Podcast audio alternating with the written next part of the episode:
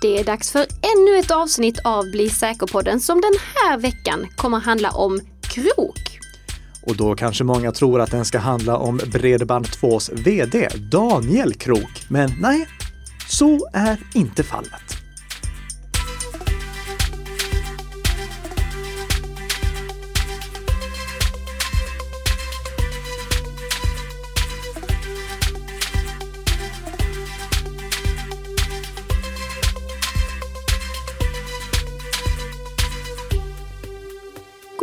God morgon, Nika. God morgon, god morgon Tess. Och god morgon till dig som eh, lyssnar på den här eh, podden. Ja, Ja, eh, och som vi så här inledningsvis gick in på, det är ju faktiskt inte Bredband2s Daniel Krok som vi ska prata om idag. nej. Men han kanske vill gästa podden någon gång. Vem vet? Den här Ja. podden produceras ju i samarbete mellan Nika Systems och Bredband2. Snyggt. Och, och, och, och, och han eh, har ju på något sätt någonting att säga till om på Bredband2 i rollen som vd. Ja, någonting. Ja. Men krok som vi ska prata om nu, det, det är eh, en sårbarhet i wifi som det har skrivits väldigt mycket om och vi ska berätta om det är så allvarligt som eh, rubrikerna har eh, anspelat. Eh, Men först så ska vi beröra ett virus, Mm. men kanske inte det virus man, vi brukar prata om, utan coronaviruset. Ja, Ja, det sprids inte till datorer. nej det, det gör det inte. Ehm, men vi kan eh, börja med att säga liksom att eh, det är ju flera konferenser och mässor sånt som brukar äga rum årligen. Bland annat eh, Facebooks årliga utvecklarkonferens F8 och Google I.O. som har ställts in på grund av coronaviruset. Ja, Eh, vi kommer ändå såklart att eh, försöka ta reda på de här nyheterna ändå. precis. Det, det brukar alltid finnas intressanta säkerhetsrelaterade nyheter som presenteras där. Ehm, men däremot så finns det ju lite så här, missinformation som sprids eh, kring coronaviruset. Det gör det och jag skulle vilja ta ett exempel från Norge faktiskt på hur eh, Eh, rykten sprids och hur falsk information sprids. Det är norska tidningen VG som rapporterar om att en norrman har eh, fått ett sms från FHI, Folkhälsoinstitutet i Norge. Och i det här smset, där stod det så här, eh, och jag vill i förebyggande syfte be om ursäkt till alla norrmän. Jag kan inte norska, men, eh, Men du ska köra på norska nu. nej, det, det blir en blandning av svenska, danska och isländska. typ så som jag tror att det ska uttalas. Härligt. Eh, Men i- eh, smset så stod det så här. Viktig information till alla reisende sista måned. Du kan vara utsatt för coronaviruset. Håll dig isolerat och ta kontakt med legevakten så fort som möjligt. Det betyder alltså att eh, personen som fick det här uppmanades att hålla sig isolerad av FHI, motsvarigheten till vår folkhälsoinstitut som inte heter folk... Folkhälsomyndigheten. Eh, Det heter de inte heller, de heter, eh, eller gjorde jag dem förresten? Sveriges. Ja, for, jo, jo, Folkhälsomyndigheten. Norges motsvarighet till Ja, jo, jo. Folkhälsomyndigheten. Så heter de, helt Ja. klart. Tack. Och det kan man ju då tänka, jaha okej, får jag ett sms om det är att jag ska hålla mig isolerad? Kan jag lita på det? Och eh, så som vi har gått igenom många gånger tidigare, nej, du kan inte lita på information som kommer via sms. Och VG rapporterar att det var inte Folkhälsoinstitutet som hade skickat ut det här smset, utan det var någon bedragare som skickat det i deras namn. Så som vi sagt tidigare så kan vem som helst skicka ett sms som ser ut att komma från vilken avsändare de vill. Och här var det då någon som hade passat på att med anledning av corona skicka ut ett sms där personerna som fick det uppmanades att hålla sig isolerade.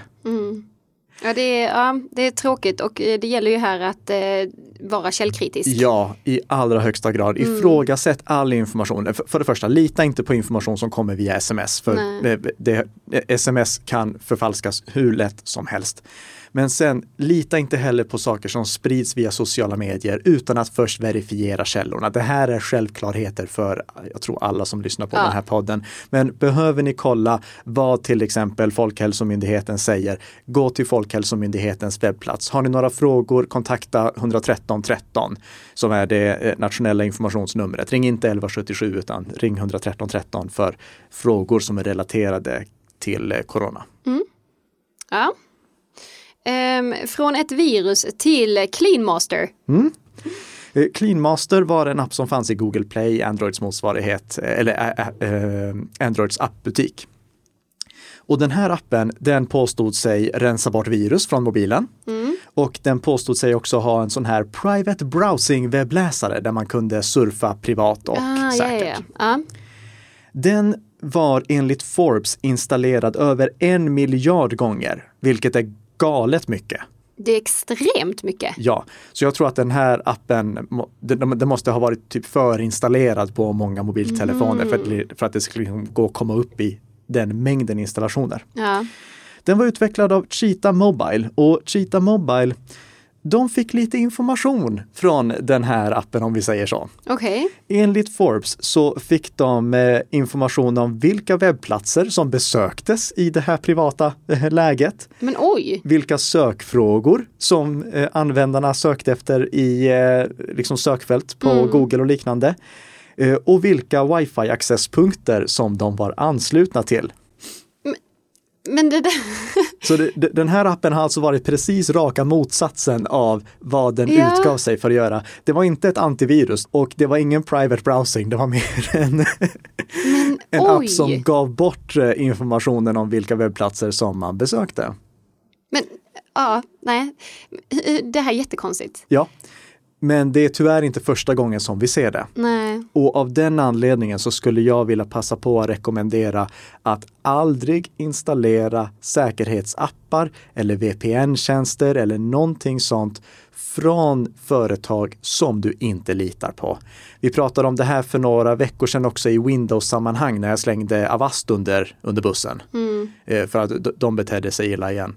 Och det, det här är liksom genomgående rekommendation. En säkerhetsprodukt har väldigt djupa rättigheter på våra mobiltelefoner. De rättigheterna kan missbrukas. Samma sak på våra datorer. Installera därför inte appar eller program som du inte litar på till 100% Framförallt inte säkerhetskritiska sådana. Men ändå galet en miljard gånger. Ja, Ja. det, och jag poängterar igen här, det är Forbes som ändå är en trovärdig källa som uppger det. ja. Eh, Men jag är själv överraskad över hur många mobiler den här var installerad på. Verkligen. Eh, ja, eh, låt oss snacka lite om Doe. Ja, Det var ett tag sedan nu. det var länge sedan ja. Mm. Vad har vi här då? Ett, ett ämne som vi ändå har återkommit till några gånger. Inte så många gånger som vi har återkommit till Windows 7 och Signal, men jag, jag lovar er. Nej, jag bara, säg ingenting nu om det Nicka. Vi har fått i våra recensioner att vi ska inte nämna Windows 7 och Signal mer. Så vi kommer inte prata om det den här veckan överhuvudtaget. Nej. Eh, utan, eh, men, men då ska vi prata om. För eh, DOH är ju den här eh, funktionen som gör att webbläsare kan eh, skicka DNS-förfrågningar över säkra anslutningar. Normalt sett när vi eh, ska ha reda på vilken IP-adress en webbserver har för att kunna gå dit, då måste vi först och främst be en eh, DNS-server om att ge oss vilken IP-adress som hör ihop med det domännamnet. Alltså översätta mellan till exempel då bredband2.se och eller bredband2.com och er IP-adress. De förfrågningarna har traditionellt sett gått i klartext, men, hjälp, men med hjälp av då DOH, DNS over HTTPS, så kan de förfrågningarna skickas krypterat, något som vi har rekommenderat att de ska göra. Vi kan lägga med en länk till hela avsnittet som vi gjorde om Ja, lika också för er som vill ve- veta mer. Hur som helst, nu så har Mozilla börjat aktivera DOH som standard på alla nyinstallerade versioner av Firefox i USA. Jaha, Så nu börjar det här verkligen slå igenom. Eh, De har ju tidigare experimenterat med det, men när man installerar Firefox i USA idag, då är det påslaget som standard. Och under de kommande veckorna, då kommer de börja att aktivera det på alla befintliga installationer i USA också. Med undantag för de installationer där användaren medvetet har valt att inaktivera det. ja okej. Och det, är för att de inte ska ändra på någon inställning som någon uttryckligen har valt. Men Är för- detta någonting som kommer komma till Europa? Det hoppas jag sannerligen. Mm. På deras webbplats så står det att de nu fokuserar på USA. Eh, men jag hoppas ju att det kommer till Europa förr eller senare. Och för alla våra lyssnare, kolla på bilden som jag lägger i show notes. Där kan ni se hur ni aktiverar det manuellt, för det kan ni göra redan idag. Mm. Då säkrar ni era DNS-uppslag så att inte de läcker i klartext. Det gör att ni får en lite säkrare eller lite mer integritetsfokuserad eh, webbupplevelse ska jag snarare säga. Mm. För det är mm. framförallt integriteten som, ställ, som stärks med hjälp av DOH. En fantastisk tjänst och när den börjar aktiveras som standard då kommer den att användas i ännu större utsträckning. Ja, och eh, nu har vi kommit till vårt huvudämne. Ja. Det är dags att snacka om sårbarheten krok. Mm. Och jag tycker det är oförskämt av dig att kalla din egen vd för en sårbarhet. Han har ingenting med detta att göra. Nej, det har han faktiskt inte. Eh, krok, det är en sårbarhet som ESET har upptäckt i många wifi-produkter. Mm. Och det, det, den stavas faktiskt eh, KR00K. Nej, inte med Precis, så får vi det. Nej, jag Det är hans hackernamn. ja, precis. Eh, det som ESET e hade upptäckt, det var att angripare som var fysiskt närvarande kunde få ut information som var tänkt att överföras krypterat. Mm. Alla alltså eh, alla vanliga wifi-nät som vi använder idag, de är ju krypterade och de använder framförallt krypteringsmetoden som heter VPA2. Mm. Det som ESET upptäckte, det var att genom att få en klient att koppla bort sig tillfälligt från nätverket kunde de lura den att överföra några kilobyte utan att det var krypterat. Eller det var krypterat men det var krypterat med bara nollor som lösenord. Så det, var lätt för dem att mm. eh, lista ut vad det var. Eh, så de märkte att de kunde med lite tur få ut känslig information. De kunde liksom inte se allting hela tiden av vad det var som skickades, men om de var fysiskt närvarande eh, i rollen som angripare då, mm. då kunde de bryta upp och se lite information som överfördes mellan klienter och routrar eller klienter och accesspunkter. Det låter inte så bra. Det låter inte bra. Nej. nej. Och det blir värre. Okej. Okay. För vet du ungefär hur många enheter som den här buggen finns i? Jag vet ju att det är väldigt många. Ja, det är över en miljard mm. enheter som är drabbade. Ja, det är galet många. Ja. I ESETs white paper om den här sårbarheten, då listar de bland annat de här drabbade enheterna. Amazon Echo, Amazon Kindle, Apple iPad, Apple iPhone, eh, Raspberry Pi 3 och Samsung Galaxy. Jag har alla de där enheterna förutom en Samsung Galaxy. och då spelar det liksom ingen roll heller vilken modell du har av de här eller så, äh, vilken version då? Vi vet inte hur Nej. många av dem som är drabbade. Troligtvis är det inte alla som är drabbade, Nej. men vissa av dem är drabbade. Okay. Mm. Och tyvärr är det här också sårbarheter som finns på andra sidan, alltså i routrarna och accesspunkter. Det finns eh, routrar från Asus och eh, accesspunkter från Cisco mm. som är drabbade. Och det räcker med att antingen routern eller accesspunkten eller klienten som ansluter inte har blivit patchad för att den här sårbarheten ska gå att utnyttja. Mm alla, som, eh, alla stora tillverkare av sådana här wifi-uppkopplade prylar har fått information om, eh, av det här eh, av ESET i förväg. Mm. Så antingen har de redan fixat det, vilket till exempel Apple har gjort, eller så håller de på att fixa det, vilket Cisco gör i nuläget. Men behöver man som så här enskild användare vara orolig på något sätt här? Enligt rubrikerna som vi har sett mm. så ja. Men Ja, in, inte lika rädd som kvällstidningsrubrikerna anspelar, skulle jag säga. Det, okay. Först och främst, kan vi säga, mm. vad ska du göra åt det här? Ja. Patcha, patcha, patcha. Alltså när det finns en uppdatering, installera den. Mm. På din mobiltelefon och liknande, där är det ganska lätt. Där kommer upp en notis där det står att det finns en uppdatering som ska installeras, installera den. Eh, se till att du har en mobiltelefon som fortfarande får säkerhetsuppdateringar från sin eh, tillverkare. Mm. När det gäller IoT-produkter som kameror och sådant, då måste du troligtvis logga in i kamerorna och leta efter uppdateringar. Okay. Eh, och när det gäller routrar, om du har en router som inte är centralmanagerad av din internetoperatör, Eh, då måste du troligtvis logga in i den själv också och leta efter säkerhetsuppdateringar. Mm. Så börja med att ta alla wifi-produkter och se till att de kör den senaste versionen av mjukvaran. Mm. Okej. Men om du inte har någon säkerhetsuppdatering att installera, Ja. då behöver du ändå inte vara jätteorolig. För det ska till mycket för att det här ska kunna missbrukas. Det här är en allvarlig sårbarhet, men det innebär inte att den per definition får ödesdigra konsekvenser. Okej, berätta gärna mer. Hur, hur skulle detta kunna se ut liksom? Det du får tänka dig, det är att du tar till exempel din dator, Ja. sätter dig på ett internetcafé och kopplar upp den mot internetcaféets wifi. Du kanske har uppdaterat din dator men inte säkert att internetcaféet har uppdaterat sina accesspunkter och då går den här attacken att utföra. För som jag Okej. sa, du måste Mm, patcha i bägge ändar för att det här ska vara ett icke-problem. Och det är väldigt osannolikt att det kommer ske inom överskådlig framtid. Så det här är någonting som vi måste räkna med att kommer finnas. Det här är ett problem som kommer finnas kvar under lång tid framöver. Ja. Eh, Då skulle en angripare som är fysiskt närvarande, och jag poängterar igen, det här är alltså inte någonting som kan utnyttjas över internet. Det här är någonting som kräver att angriparen är i närheten. Då kan han eller hon knäcka din anslutning och få den till att läcka några kilobyte i gången, åt gången som överförs. Okej, hur mycket information skulle det kunna vara? Det skulle kunna vara lösenord. Okej, ja. Och det är därför det är allvarligt. Det skulle kunna vara användarnamn och lösenord. Men det är extremt osannolikt att det är det. För idag så skickar vi ju eh, på, på alla seriösa sajter, där överförs lösenord i krypterad form. Ni, ni har ju hört hur många gånger som helst vi har tjatat om att du ska kolla att det finns ett hänglås i adressfältet när du loggar in. Ja. Och det gäller för övrigt även när du har loggat in. Det ska fortsätta vara ett hänglås där då. Det ska alltid vara ett hänglås i adressfältet.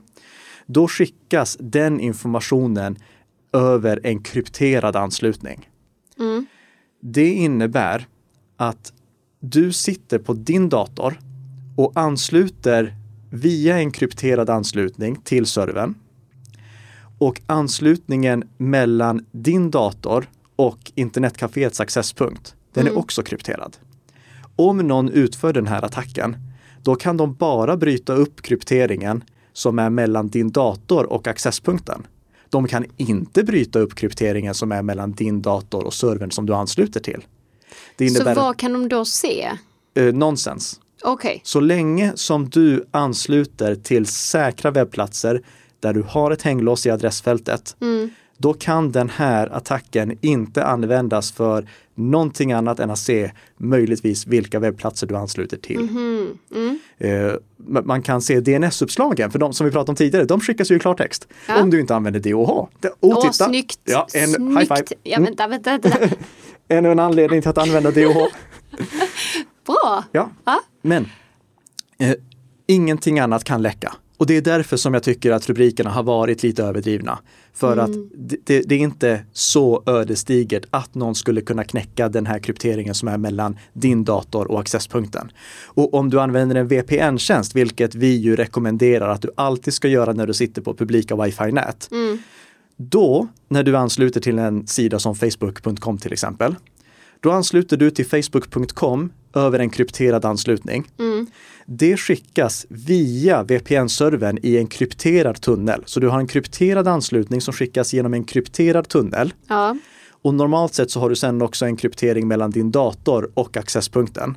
Så då är det krypterad anslutning genom krypterad VPN-tunnel via krypterad wifi. Man är superkrypterad. Ja, men det, det är liksom det är inception över det hela. Kryptering är kryptering Ja. kryptering. Och kroksårbarheten kan bara användas för att bryta upp den där yttersta krypteringen. Mm. Inte någonting annat. Okej, och då kommer de inte se någonting egentligen? De kommer se att du använder en VPN-tjänst Ja. och mängden data som du överför. Okej. Men finns det någonting som man, eh, förutom nu att uppdatera och allt Förlåt, det de här? kommer inte ens se mängden dator du överför. De kommer bara se att du ansluter till en webbplats. Det- till en VPN-tjänst. Okej. Ehm, men finns det någonting annat man kan, eh, man kan göra eller tänka på förutom då typ att använda VPN om man ska uppdatera? Nej, det, det, det, är det som du behöver göra. Mm. Eh, använd VPN-tjänst när du sitter på publika wifi-nät. Uppdatera alla accesspunkter och alla datorer som kan tänkas vara berörda. Mer information om det här finns i ESETs white paper som vi länkar till.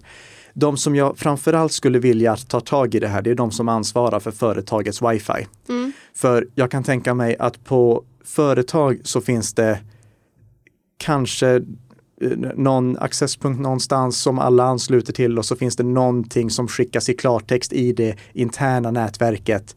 Eh, där finns det lite större risker, framförallt för att någon som är intresserad av lite hemligheter skulle ju kunna vara närvarande vid eh, kontoret till exempel och bryta upp anslutningar mm. där. Det är inte mm. lika långsökt som att man skulle drabbas på ett publikt wifi-nät när man sitter och surfar med kaffekoppen i handen. Ja. Så där skulle jag tänka på det uppdatera mm. allting som uppdateras kan, som vi brukar rekommendera. Precis, uh. Och använd gärna en VPN-tjänst när du sitter på publika wifi. Mm. Var medveten om att det här är en säkerhetsbrist som finns. Men du behöver inte slänga ut all wifi-utrustning och gå över till att bara använda kabel på grund av den. Mm. Är vi färdiga med krok nu? Ja, det tycker jag. Ja. Um, Härligt. Mm.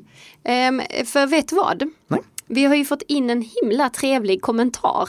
Ja! Som jag tänkte läsa upp här. Mm. Ehm, det är från eh, en eh, Christian Olsson.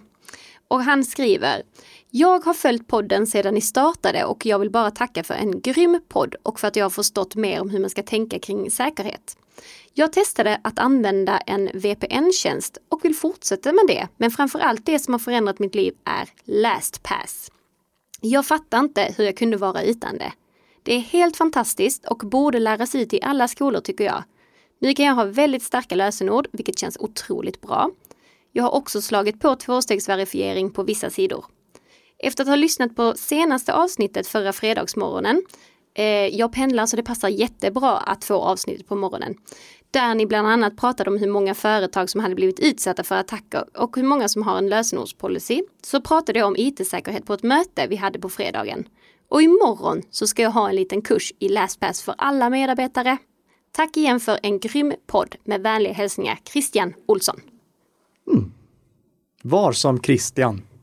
Himla fint! Ja, berätta för dina medarbetare om vad de kan göra för att stärka sin IT-säkerhet.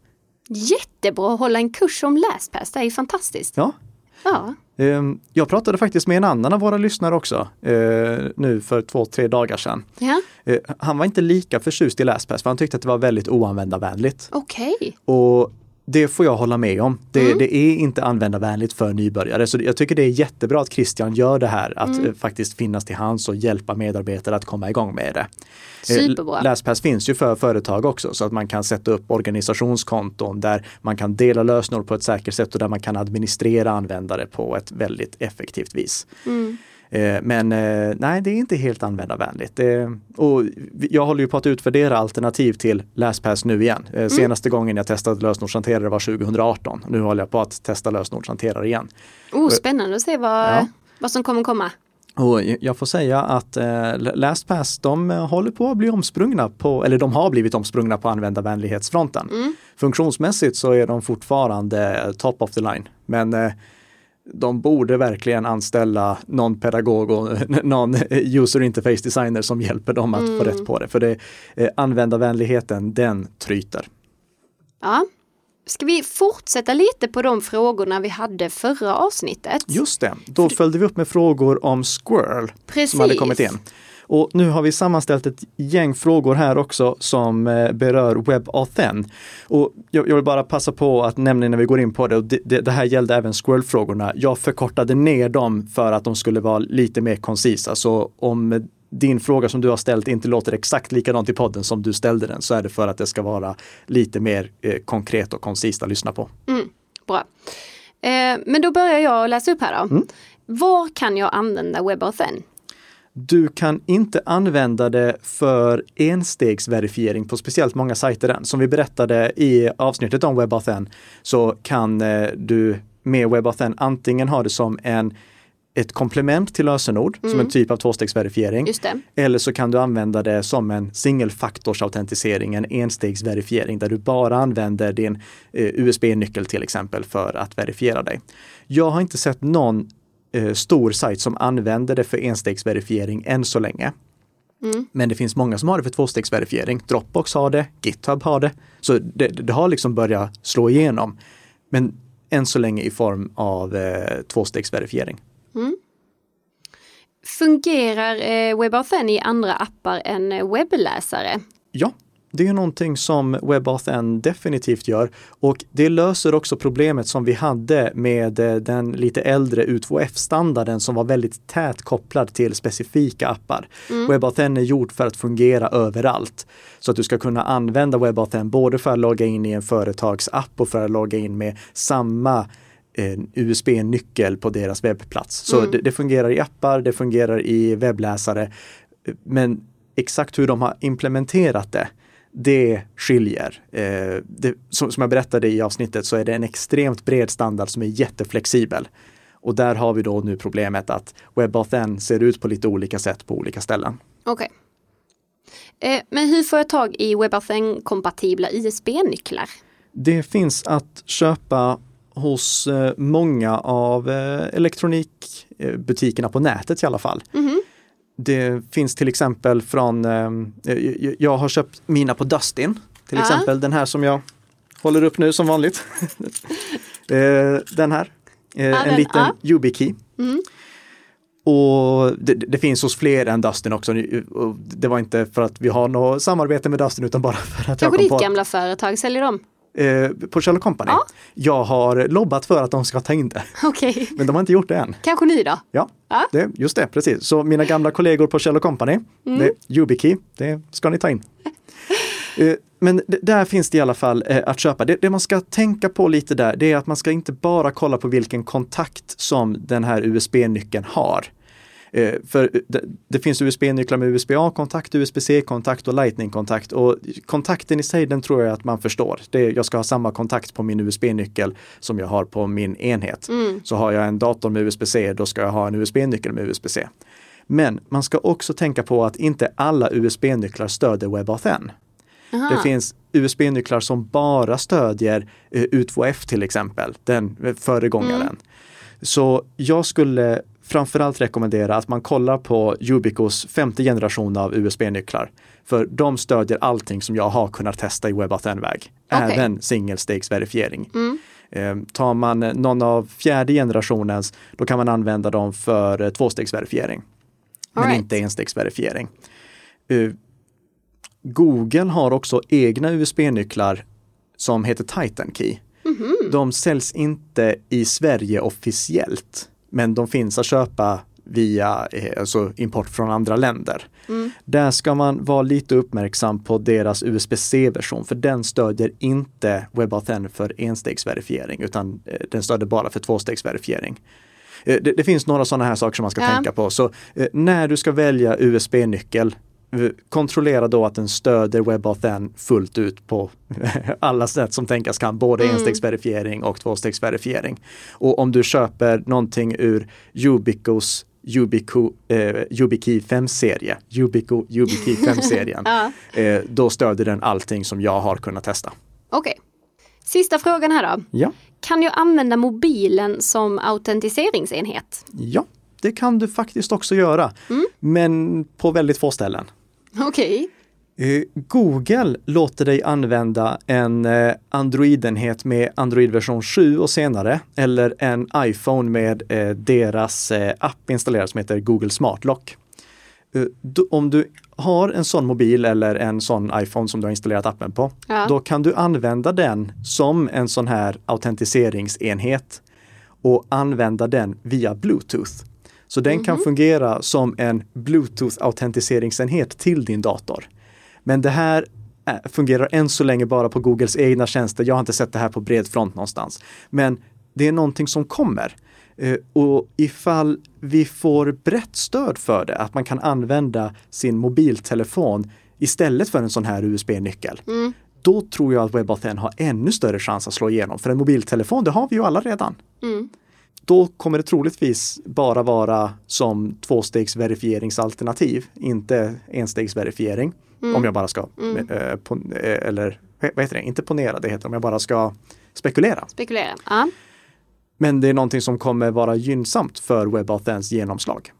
Så förhoppningsvis får vi se mer av det, men än så länge så är det mer i undantagsfall den möjligheten finns att använda sin mobiltelefon som autentiseringsenhet alltså. Och där var ju frågorna slut. Ja, Ja, tiden där- också kanske. ja tiden är slut för Ja. den här veckan. Så ehm, ja, vill du också ställa en fråga till oss så är det ju bara att skicka in en lyssnarfråga på alla sociala mediekanaler och eh, våra hemsidor. Ja. Eh, och sen så önskar vi dig en fantastisk helg. Det Den här vi. veckan har gått snabbt alltså. Det har det sannerligen. Ja, så ses vi nästa vecka. Det gör vi. Trevlig helg!